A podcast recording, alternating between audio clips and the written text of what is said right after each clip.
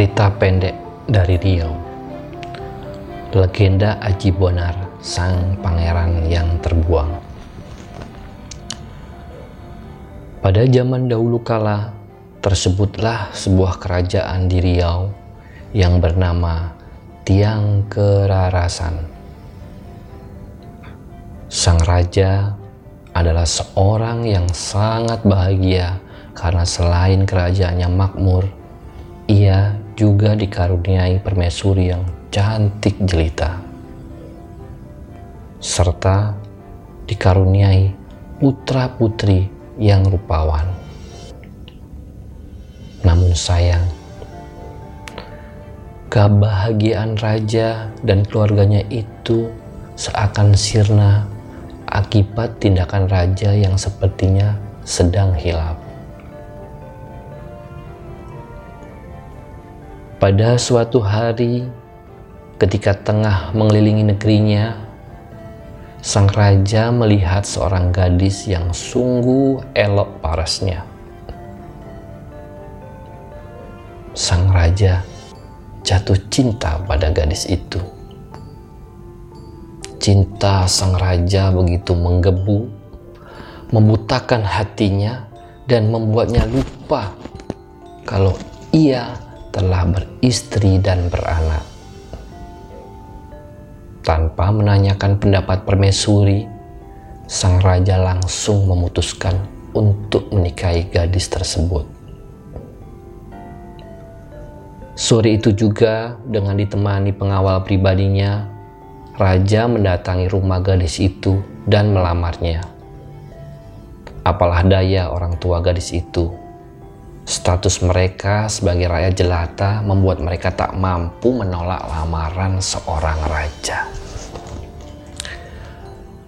Keesokan harinya, raja dan gadis itu menikah, dan raja langsung memboyongnya membawa ke dalam istana.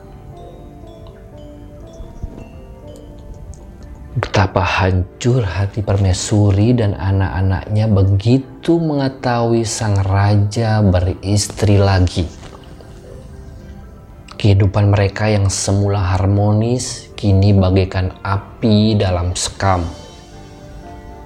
Walaupun tak berani menentang, putra dan putri sang raja sama sekali tak mengubris kehadiran ibu tiri mereka Bahkan rasa benci semakin menguasai mereka begitu mengetahui istri muda ayahnya itu mulai mengandung. Sejak mengetahui suaminya menikah lagi dan membawa istri mudanya ke istana, permaisuri tak mau bertegur sapa dengan sang raja, suaminya. Sehari-hari ia lebih banyak mengurung diri di dalam kamar Keadaan itu merisaukan hati sang raja. Biar bagaimanapun, sang raja tak mau kehilangan istri dan putra-putri yang sangat dicintainya itu. Siang malam, sang raja berpikir untuk menemukan cara agar kehidupan mereka kembali seperti sedia kala. Beberapa hari setelah menemukan sebuah ide yang dianggapnya sebagai jalan keluar yang terbaik, sang raja bermaksud mewujudkannya dengan segera. Pada suatu pagi hari yang cerah, sang raja mengajak istri mudanya yang tengah mengandung naik perahu menelusuri sungai yang mengalir di belakang istana. Ketika perjalanan mereka sudah cukup jauh, sang raja mendorong istrinya yang tengah asik menikmati pemandangan. Teriakan istrinya meminta tolong tak dihiraukannya. Meskipun sebenarnya tak sampai hati, sang raja terpaksa melakukan itu demi menjaga keutuhan keluarganya. Sang raja kembali pulang ke istana seorang diri Sejak hilangnya istri muda dari istana, permaisuri dan putra-putri sang raja kembali ceria. Permaisuri juga tak pernah menanyakan ke mana perginya istri muda. Ia justru bersyukur suaminya telah menyingkirkan orang yang kehadirannya telah merusak kebahagiaan keluarga mereka. Hari berganti hari, bulan berganti bulan, dan sang raja telah melupakan peristiwa itu melupakan istri mudanya yang dikiranya sudah mati tenggelam atau terseret arus sungai. Tapi ternyata sang raja salah besar. Ia tak mengira ada seorang nelayan yang tengah memancing menolong istri mudanya pada saat itu.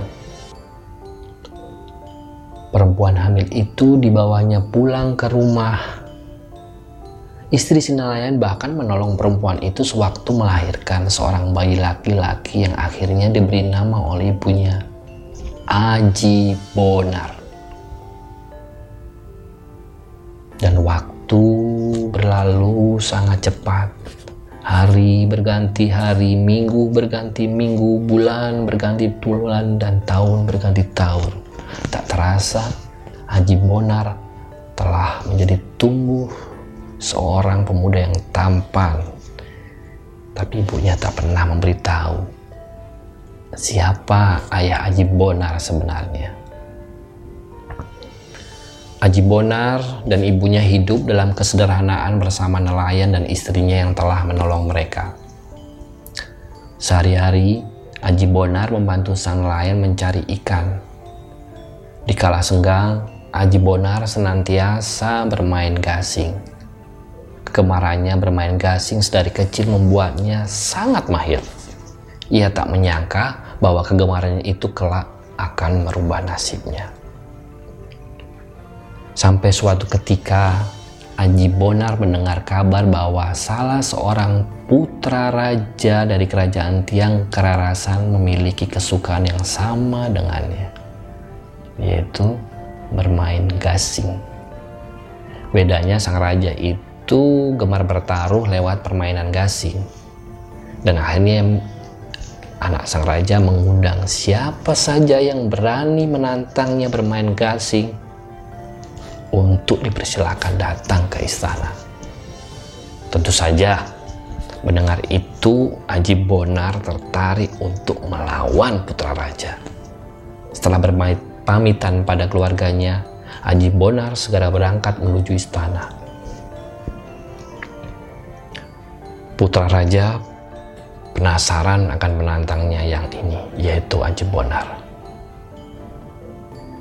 Dalam hati dia berkata, Siapa pemuda dusun ini? Pikirnya sambil menatap Aji Bonar dengan seksama. Aji Bonar tersenyum ramah meski ia melihat tatapan putra raja yang meremehkannya. Kapan kau siap beradu gasing denganku? Tanya putra raja dengan nada sombong kepada Aji Bonar. Sekarang pun aku siap, jawab Aji Bonar datar. Putra raja terkejut mendengar jawaban Aji Bonar. Ia segera memerintahkan pengawal untuk mengundang penduduk datang ke istana guna melihat pertandingannya melawan Aji Bonar. Suara riuh memenuhi halaman istana siang itu. Para penduduk yang mendukung putra raja terkesima melihat jagonya akhirnya dikalahkan oleh Aji Bonar. Baru kali ini ada orang yang mampu mengalahkan putra raja bermain gasing. Para penduduk pun pulang dengan wajah kecewa. Kekecewaan yang dirasakan penduduk kerajaan itu ternyata tak sebesar kekecewaan yang dirasakan putra raja. Bukan hanya kecewa, putra raja juga merasa harga dirinya jatuh ketika dikalahkan oleh pemuda dusun seperti Aji Bonar. Karena itulah putra raja terus mengundang Aji Bonar ke istana setiap hari untuk terus beradu gasing dengannya. Taruhan yang semula kecil lama-lama menjadi besar, besar, dan besar. Haji Bonar merasa senang. meladeni tantangan sang putra raja karena dia merasa menang terus. Karena nasib baik tak pernah berpihak pada putra raja. Kekalahan yang dialaminya terus-menerus tak membuatnya jerah. Ia justru semakin bersemangat untuk mengalahkan Haji Bonar. Pada suatu hari setelah mengalami kekalahan lagi, ia berkata kepada Haji Bonar, Haji Bonar, kuakui dirimu sungguh mahir bermain gasing, katanya dengan nada yang terpongah. Esok adalah puncak pertarungan kita.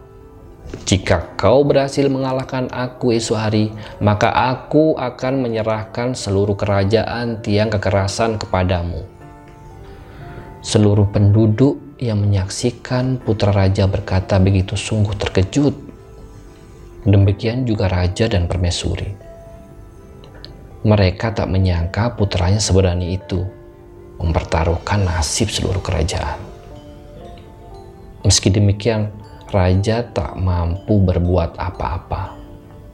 Pantang baginya untuk meralat omongan putranya sendiri. Aji Bonar pun terlihat terkejut. Ia tak mengira lawannya berani bertaruh sebesar itu Meski heran, Aji Bonar menyambut tantangan yang ditawarkan putra raja itu. Baiklah, aku akan kembali ke sini esok pagi. Tambahnya sambil berlalu meninggalkan istana diikuti tatapan penduduk kerajaan tiang kekerasan. Keesokan harinya, halaman istana telah dipenuhi para penduduk sedari pagi raja dan penghuni istana terlihat tegang menunggu pertandingan dimulai. Dan tak lama kemudian, Aji Bonar tiba di sana. Kedatangannya disambut sorak-sorai para penduduk. Sebagian besar penduduk bersimpati atas kesederhanaan pemuda itu. Mereka juga kagum akan permainan gasingnya yang sangat memukau. Pertandingan berlangsung sangat sengit. Putra Rajan dan Aji Bonar mengeluarkan segenap keahliannya masing-masing. Dan setelah berlangsung cukup lama, Aji Bonar kembali mengalahkan Putra Raja. Kemenangannya membuat seluruh penghuni kerajaan Tiang Kerarasan berwajah pucat pasi. Tak disangka Permainan gasing salah satu anggota kerajaan membuat mereka semua terusir dari istana. Aji Bonar sungguh tak percaya dirinya menjadi raja tiang kerarasan. Ia pun segera pulang memboyong, memboyong ibu serta sang nelayan dan istrinya ke istana. Ibunda Haji Bonar juga tak mengira putra sematawangnya itu telah mengembalikan dirinya ke istana yang sempat dihuninya dulu. Meski pada akhirnya Ibunda Haji Bonar memberitahukan jati diri Haji Bonar yang sebenarnya, ia tak merasa dendam pada ayahnya.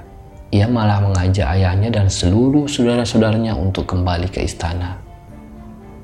Rasa malu akan perbuatannya dulu membuat sang raja tak mampu untuk kembali ke sana ia memilih mengasihkan diri bersama keluarganya jauh dari istana. Pesan moral cerita rakyat ini, jangan pernah bertaruh atau berjudi, karena berjudi tidak akan pernah menguntungkan siapa pun. Sekian.